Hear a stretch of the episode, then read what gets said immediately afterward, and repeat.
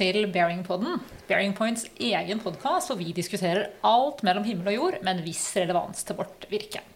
Jeg heter Marianne, og sammen med meg som vertskap for dagens podkast har jeg Thomas og Nora fra vårt Technology Team. Technology det er et av våre fire kompetanseteam i Bearing Point. Og de leverer prosjekter i grensesnittet mellom teknologi og forretning. Temaet for dagens podkast er noe som ligger Technology-teamets hjerte ganske nært, nemlig prosjektgjennomføring. Men før vi dykker ned i den materien, vil jeg be de andre pod-medlemmene om å introdusere seg selv. Vær så god, Nora. Hei, alle sammen. Mitt navn er Nora Midtsund. Jeg er senior business advisor her i Bearing Point. Jeg er utdanna sivilingeniør og har jobbet som prosjektleder i drøyt ti år. Før jeg begynte i Bearing Point, så jobbet jeg også som prosjektleder i eh, henholdsvis Sparebank1 og Tine. Og i løpet av mine nå tre år i Bearing Point så har jeg også jobbet på tvers av bransjer. Og det er eh, prosjektledelse som står mitt hjerte nær, akkurat som Marianne sa innledningsvis. Hva med deg, Thomas? Ja, hva med meg, Nora? Eh, jeg kan starte med navnet mitt. Det er da Thomas Bergli. Jeg er da partner i Bearing Point. Eh, og her har jeg vært i nesten ja, litt over tre år. Og før det så har jeg vært både i eh, offentlig og det private og jobbet eh, til sammen over 20 år. Oh, det er lenge. Men det jeg tenkte jeg skulle si litt om, det er jo min bakgrunn innenfor akkurat dette feltet her. Jeg har jobbet mye med prosjekter, programmer på begge sider av bordet. Både som leverandør og som kunde. Men også eh, i kvalitetssikringsøyemed også. Eh, og det har jeg Stort sett vil jeg si at eh, gjennom min karriere så har jeg jobbet med ett eller flere prosjekter i parallell. Så det er litt, sånn, litt om min bakgrunn og erfaring. Og innenfor mange sektorer og bransjer. Så kanskje kan vi bidra med noe til dere der ute. Det tror jeg så absolutt. Og temaet eh, var jo som vi sa innledningsvis eh, i dag, det er prosjektgjennomføring. Og det kan vi jo kanskje alle være enige om er et av de viktigste virkemidlene for å realisere strategien til et selskap. Prosjektledelse det er en egen profesjon. Og en prosjektleder han spiller en sentral rolle i å sikre at vi har de riktige rammebetingelsene for å lykkes eh, når vi setter i gang et prosjekt. Og I løpet av prosjektets livsløp, livsløp, så er det jo vesentlig å ha en del kontrollpunkter. Eh, er målet fortsatt det samme? Er business case fortsatt gyldig? Er vi på plan? Og ikke minst, er risikoene akseptable? Det er i prosjektets natur at utfordringer dukker opp underveis. Og spørsmålet vi skal ta tak i i dag, det er som følger. Når er situasjonen så alvorlig at vi bør trekke i bremsen? Og enten gjøre fundamentale endringer eller stoppe prosjektet for godt. Og hva kreves det egentlig for å lykkes med en snuoperasjon? For å bringe oss litt ned i dagens tema, så begynner jeg med et spørsmål til deg, Nora. Hvorfor er det egentlig så vanskelig å planlegge prosjekter fra ende til ende? Og hvordan kan man sørge for at prosjektet kommer best mulig ut av startblokka? Jo, det er jo sånn, Marianne, at Planlegging det handler jo om å gjøre kvalifiserte vurderinger om framtida. Og det i seg sjøl medfører jo en del usikkerhet. Så det ligger jo da i prosjektets eh, natur at det er noe særegent og unikt ved det. Og det vil jo si at man kan ha gjort noe som ligner tidligere, men du har aldri gjort noe som er akkurat likt. Og en utfordring som vi ofte ser eh, der vi er involvert, er jo at man ikke ikke tar på alvor at planlegging både tar tid og krever en god del ressurser. Så ofte så er man jo ivrig etter å, å, sette i gang. ikke sant? Eh, det kan være inngått kontrakter som gjør at tiden begynner å løpe. Og man setter rett og slett ikke av nok tid til å planlegge. Og for å kunne planlegge så fordrer jo det at man er enig om hvor man skal. Dvs. Si at man har en klar formening om målet og hva som faktisk skal leveres. Og det er faktisk sånn at allerede her så ser vi at det er en del som synder. Eh, og at man ikke tar nok tak i uenigheter og kanskje ulik oppfatning av eh, hva man skal levere i prosjektet. Så er det jo sånn at eh, for å kunne planlegge, så trenger du noen som kan faget, og som vet hva som skal til. Og ofte så er jo det snakk om eh, fagressurser som typisk er eh, opptatt i fem eller ti prosjekter i parallell. De har fulle kalendere, og det er krevende å få tak i de. Og heller ikke få satt seg ned og tenkt ordentlig gjennom eh, hva man skal levere, hvilke avhengigheter man har, etc. Så blir det rett og slett et eh, litt manglende grunnlag. Så de konkrete tipsene jeg har å komme med, det er jo rett og slett eh, å sikre at man har et eh, omforent mål. Og at man setter av nok tid og riktige folk til å planlegge. Det er ikke alltid like morsomt å planlegge, Thomas, men, men vi vet jo begge at det betaler seg seinere i prosjektet. Og like viktig som sjølve planlegginga, det er jo faktisk evne å tilpasse seg underveis. For vi vet jo alle at ting skjer. Og da er det viktig å klare å iverksette tiltak tidsnok. Og ikke minst replanlegge når ting ikke går helt sånn som du hadde tenkt deg. Så det du egentlig sier er at selv om man bruker aldri så mye tid på å planlegge godt, så har man egentlig ingen garanti for at det likevel går godt helt til slutt. Og hva er det egentlig som typisk går galt i prosjekter? Et typisk eh, trekk vi ser, Marianne, det er jo at man legger veldig mye vekt på det teknologiske og på sjølve løsningen. Og så undervurderer man det som kreves for å eksempelvis endre arbeidsprosesser og tilrettelegge organisasjonen. Et annet eksempel er jo at det kan handle om en optimistisk kontrakt med leverandør, med uklare ansvarsforhold og med feil insentiver. Videre så er jo ressurstilgang nesten alltid en utfordring som eh, man kan håndtere mer eller mindre med hell. For det er jo typisk noen nøkkelpersoner som alle vil ha tak i. Jeg tror de finnes i enhver eh, virksomhet. Og trikset da er jo å klare å ressurssette prosjektet ditt eh, med den kompetansen som skal til for å levere. Kanskje bare skyte inn en ting der, Nora. og det er at eh, i tillegg til alt det du sier, som jeg er helt enig i, eh, så er det i mitt virke har jeg opplevd eh, ofte at eh, business cases som det selges inn på, i utgangspunktet er til tider kanskje optimistisk, og andre ganger også ren fantasi. Og, og, og, det er klart at det, når du på en måte kommer liksom, i innsalget der, og du har gjort dette i et styre eller i en administrasjon i øverste ledelse, et eller annet sånt noe, um, og så kommer du da som prosjektleder og liksom skal i gang med dette her, um, så, så og du kan etter hvert bli møtt med liksom, hva er det nå dette prosjektet egentlig skal gjøre, og du ser at det her er, kan bli ganske krevende, så er det også en, på en, en faktor som kan spille inn i at et prosjekt og en gjennomføring kan bli eh, betydelig dårligere enn det som da i utgangspunktet var tiltenkt da, for dette prosjektet. Og det er jo ofte sånn at prosjekter er jo i seg selv ikke et mål. De er jo et virkemiddel nettopp for å nå et eller annet forretningsmessig gevinst eller en, en virksomhetsgevinst eller et eller annet sånt noe. Og, det er klart at det, da Prosjektet kan jo likevel også bli godt gjennomført, men likevel bomme på det det egentlig utgangspunktet ble satt til å gjøre. Det er veldig godt poeng du kommer med der, Thomas. Og jeg tenker det er verdt å dvele også ved dette ved prosjektleders rolle. For én ting er prosjektleder, men minst like viktig er jo dette med eierstyring og forankring fra ledelsen. Um, og for å kunne ivareta den rollen, så er det jo veldig viktig at ledelsen forstår kompleksiteten i prosjektet. Og også at de får riktig og sannferdig informasjon underveis. Sånn at de faktisk kan ta grep tidsnok. For det du ikke vet noe om, er det heller ikke så lett å få gjort noe med. Så det å ha en god kobling mellom prosjektledelsen og prosjekteier er fryktelig, fryktelig viktig. Jeg har lyst til å skyte inn der også. Det er akkurat et kjempespennende område akkurat der. Og også kanskje det andre punktet jeg er veldig opptatt av når det gjelder det å gjennomføre et prosjekt eller et program, og det er jo at du har kontroll på det som så fint på engelsk heter governance. For det er det du egentlig tar opp.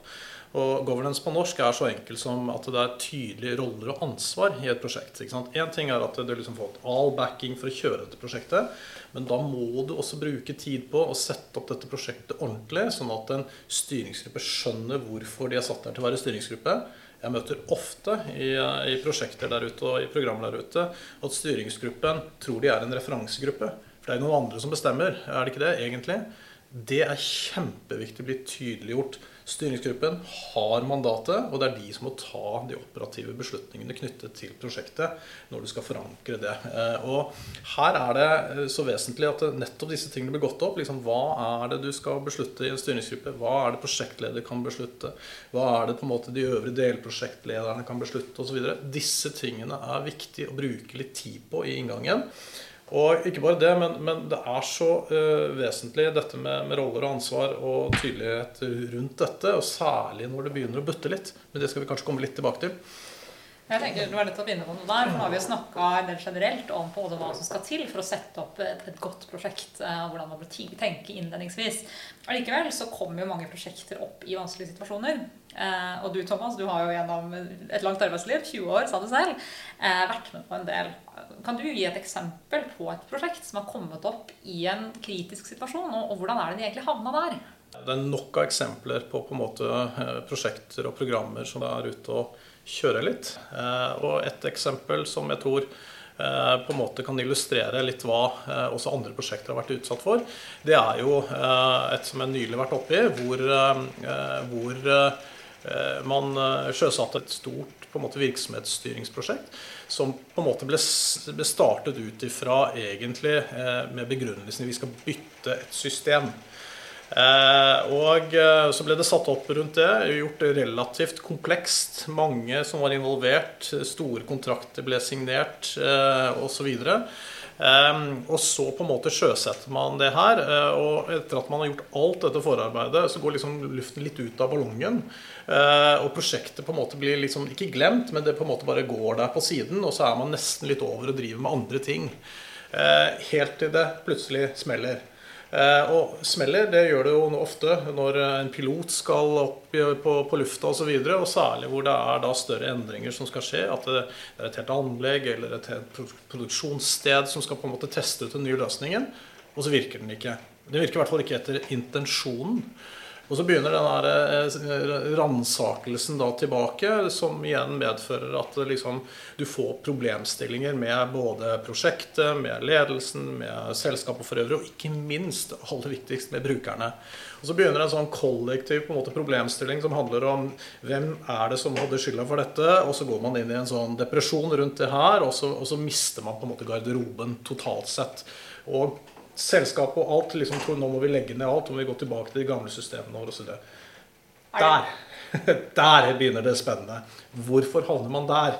Eh, og jeg tror igjen det er ikke én fellesnevner her, men, men, det er et par stykker. Og det er noe med kontrollmekanismene her.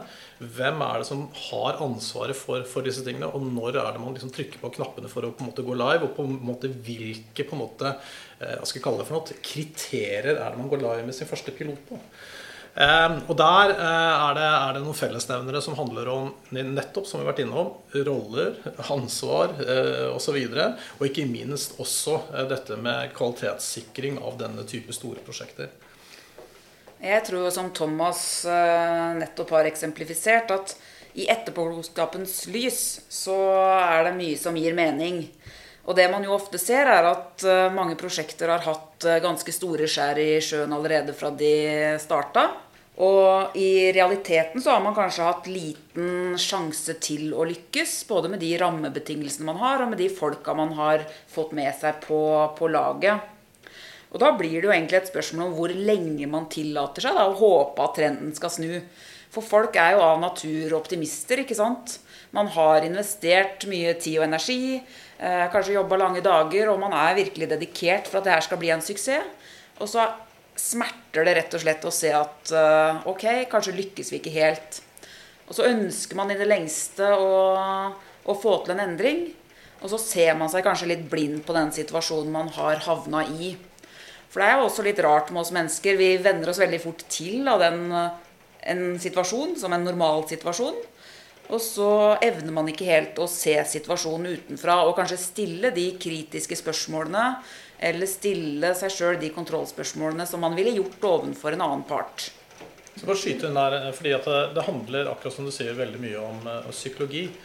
Eh, i sånne typer prosjekter som på en måte begynner å komme ut for litt eh, dårlig vær. Eh, og da handler det ofte om igjen tilbake til inngangen som handler om er og ansvaret tydelig i dette her. Og Hvis de er det, så er det muligheter for liksom å gå tilbake og finne litt ut av hvor, hvor er det vi burde ha vært. Og her kommer det et par roller som er kjempeviktige. Det ene er jo liksom prosjekteier, som er på en måte linket inn i liksom, bedriften og ledelse. Og det er styringsgruppas ansvar i sånne type ting. Og hvis de har abdisert, så sitter prosjektlederen der med liksom bukta begge ender og skal prøve å liksom løse opp i alle disse tingene her. sånn. Ofte så er det nettopp det som er liksom problemet med denne type prosjekter det gode. Det er hvordan vi løse disse tingene. Og det skal vi også komme litt tilbake til. Ja. Yes, for Det er jo det som er litt spennende når man først har kommet ute. Det er mange skjær i sjøen, og ulykka er ute. Og, og ja, hva gjør man da? Hvor, hvor, hvilken ende begynner man for å snu den situasjonen til noe bedre? Det jeg tenker, og her har vi eh, igjen det eksempelet jeg dro opp i stad. Eh, det ble snudd til et faktisk, eh, i hvert fall en suksessfull gjennomføring og en suksessfull utrulling. Eh, men, men, det begynte jo med å erkjenne at man er ute i et eh, ordentlig uføre. Og det begynner med å erkjenne vil man dette. Eh, altså Seriøst, er på en måte det opprinnelige liksom, business-caset er det på en måte fortsatt valid? Eventuelt ikke. Eh, og, og, eventuelt er det deler av det som er på en måte fortsatt gyldig. Og så er spørsmålet er man der, eh, og man har gått liksom ordentlige runder rundt dette, eh, det er godt forankret i på en måte organisasjonen, så handler det om å brette opp ermene og liksom begynne litt sånn tilbake på scratch med å bygge opp en tydelig styringsmodell i et sånt type prosjekt. Igjen tilbake til det enkle. Roller, ansvar. Hvordan skal på en måte er dette stykket opp?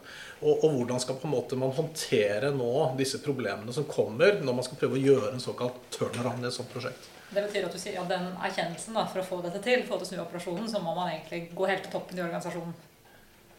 Det er helt riktig. Du må helt til topps, og du må på en måte være en tydelighet rundt at dette vil vi. Men jeg har også vært borti eksempler hvor det er gyldig, at man har havnet i, liksom, i uføre helt nede liksom, eh, på bar bakke. Det er eh, fullt trykk fra toppledelsen om at dette her eh, skal vi få til. Men hvor likevel man ikke lykkes. Og da er det et annet spennende måte, område som man havner oppi, og det er at man som det heter på godt Drillo-språk. da, Man taper på en måte garderoben. Og det er brukerne der ute. Hvis de mister fullstendig på en måte liksom troen på at dette her er riktig, så kan du på en måte ha så fantastiske roller og ansvar og alle disse tingene på plass, men, men, men, du får liksom ikke dette til likevel. Så det er liksom både på en måte strukturen, sørge for forankring ledelsesmessig, men du må jobbe også med brukersiden, at det er en, et, på en måte et, et, et ønske om å få dette til. Og så er det også en, en, en, annen faktor, som er også ofte leverandører inn i dette. Og alle disse må håndteres eh, på en god måte, som gjør at man vil faktisk lykkes med et sånt type prosjekt. Er du enig, Nora? Jeg er definitivt enig. Og så tenker jeg at det er viktig å skille mellom det som kan sies å være normale utfordringer i et prosjekt. For det vil eh, man som regel støte på, og de er ofte håndterbare. Men det vi snakker om her, er jo egentlig større fundamentale ting som ikke er på plass. Og som eh, prosjektgruppa isolert sett vil eh, slite med å komme i mål med. De vil rett og slett ikke ha en sjanse. De må mobilisere høyere opp i organisasjonen. Og man må tenke mer grunnleggende grep, og kanskje til og med stoppe opp prosjektet en stund. Eh, få klarhet i situasjonen. Alle fakta opp på bordet. Ikke noe glansa bilder. Og så kan man ta aksjoner ut fra det. Ja, snakker om, snakker jeg skal bare skyte ned, for jeg syns det er veldig veldig, veldig viktig det du tar opp her, Nora. fordi det er noe med akkurat det der at uh, i en sånn type uh, kall det uh, endring da, som må skje i et prosjekt som har gått litt uh, galt av gårde, så er det der med å ta noen timeout-uker hvor du faktisk går ordentlig ned i materien og gjør en, på en måte en, en, en kvalitetsskikkelig gjennomgang av det hele. og, og få liksom identifisert hvor er det skoen trykker, eh, og man er omforent om det. For det er først da du kan lage den planen som gjør at du kan forbedre dette. Eh, så jeg er veldig enig i den, eh, den, det innspillet der fra, fra Nord. Ja, for det var jo akkurat, akkurat, det. Du snakker om grunnleggende grep, og dere snakker om timeout. Altså hva, hva, hva, er, de grunnleggende grepene? Eksempler på de som, som organisasjonen kan gjøre, da, gitt at man er, er, i den situasjonen som er, dere her beskriver. Mm. Jeg, jeg kan skyte inn først når sånn, du spiller litt videre på det. Men, men det er klart, altså, i no, noen prosjekter jeg har vært i, så, så er det liksom alle vil. Men, men, det er bare ikke teknologisk gjennomførbart. Da har du et problem. altså da, da, da, må da, må man, virkelig gå inn og se ok, kan vi forenkle ting og alt dette her. Og kanskje finne andre teknologier eller hva det skulle være for noe. da. Eh, men eh, der hvor på en måte det viser seg, altså man har gjort en vurdering av liksom teknologien og systemene hvis det er et IT-prosjekt eller, eller, den type ting, så, så, og det på liksom er litt sånn type check her med noen grep, skal man få liksom gjort det plass, og det er liksom kjernen av det man egentlig har bestilt, så handler det mest om struktur og organisering rundt det. Og så må man identifisere det. og så Er det prosjektledelsen? Er det igjen som har vært innom styringsmodell? Er det andre på en måte eh, faktorer i dette som man kan, må, må, gjøre noe grep på? Men, eh, men eh, skyt gjerne inn, Nora. I forlengelsen av det du sier der, Thomas, så er det viktig å erkjenne at veldig mange prosjekter gjennomføres jo i samarbeid med en eller flere leverandører. Um, og da kan det jo være avtaler, som jeg også nevnte innledningsvis, hvor det er uklare ansvarsforhold. Det kan rett og slett være insentiver som går helt på tvers med det man ønsker å oppnå. Um, og da kan det jo også handle om å rett og slett se jobber vi med de riktige samarbeidspartnerne. Uh, har vi riktige uh, samarbeidsmodeller på plass? Har vi en god og åpen dialog? Um, det er også eksempler jeg ønsker å trekke fram. da. Helt enig. Eh, og, hvis du på en måte, Men det her er også en, en fare, ikke sant? Altså, hvor du på en måte begynner å, å kjøre deg ut mot type sånn uh, true med rettssaker eller den type ting. Man, uh, som ofte skjer i sånne type situasjoner. Uh, naturligvis er det Det kan være et virkemiddel, men, men, det er jo som regel et virkemiddel som ikke skaper noen vinnere, og ikke skaper et suksessfullt prosjekt. Det skaper bare enten tap-tap eller eller på en måte den type situasjon som, som, som gjør at man liksom ikke kommer i mål overhodet med det man er. Da er man virkelig ute på en, en galei som, som handler om, eh, om, at eh, dette blir virkelig ikke et suksessfullt prosjekt. Så egentlig sier du at det, det, er ikke om å gjøre på en måte å finne syndebukker. Det er ikke der fokus bør være. Men, men, på en måte tenke produktivt. Hvordan kommer vi videre? Ja, å identifisere og ta ordentlig ærlig eh, liksom, læring av hvorfor man har havnet der. Og så gjøre de grepene man må gjøre da, for å på en måte få det opp på, på, på riktig vei igjen. Så helt altså, Syndebukk er ikke liksom, det man skal ut og gjøre, men, men, men, likevel så er det å være, for å bruke et, et, annet begrep, brutalt ærlig med hvorfor man er eh, kommet til den situasjonen man er. Da tenker jeg vi har kommet så langt. Det er på tide å oppsummere denne lille praten. Og sånn som jeg forstår dere to, så er det eh, tre ting som man eh, burde tenke på når man skal i gang med et prosjekt, og som i hvert fall kan bidra til å legge til rette for en så god prosjektgjennomføring som mulig. Da er det eh, sikre god forankring og eierstyring internt. Velge riktig samarbeidsform med eh, kontrakt og, og kontrakt med leverandør. Og sikre tilstrekkelig kapasitet og kompetanse. Det er helt riktig, Marianne. Det er uh, mange veier til mål, men hvis du i hvert fall har kontroll på de uh, tre områdene, så tenker jeg at du er godt skodd for suksess, Thomas. Eller hva sier du? Jeg er helt enig. Og sørg også da, inkludert i alt det du sier, sørg for at du har med deg garderoben. Det er kanskje et av de aller viktigste og beste rådene vi kan uh, gi der ute. Og hvis du der ute har noen spørsmål til hvordan du får med deg garderoben, så foreslår jeg at du tar kontakt med oss i Bearing Point. Tusen takk. Ha det bra. Ha det bra, alle sammen.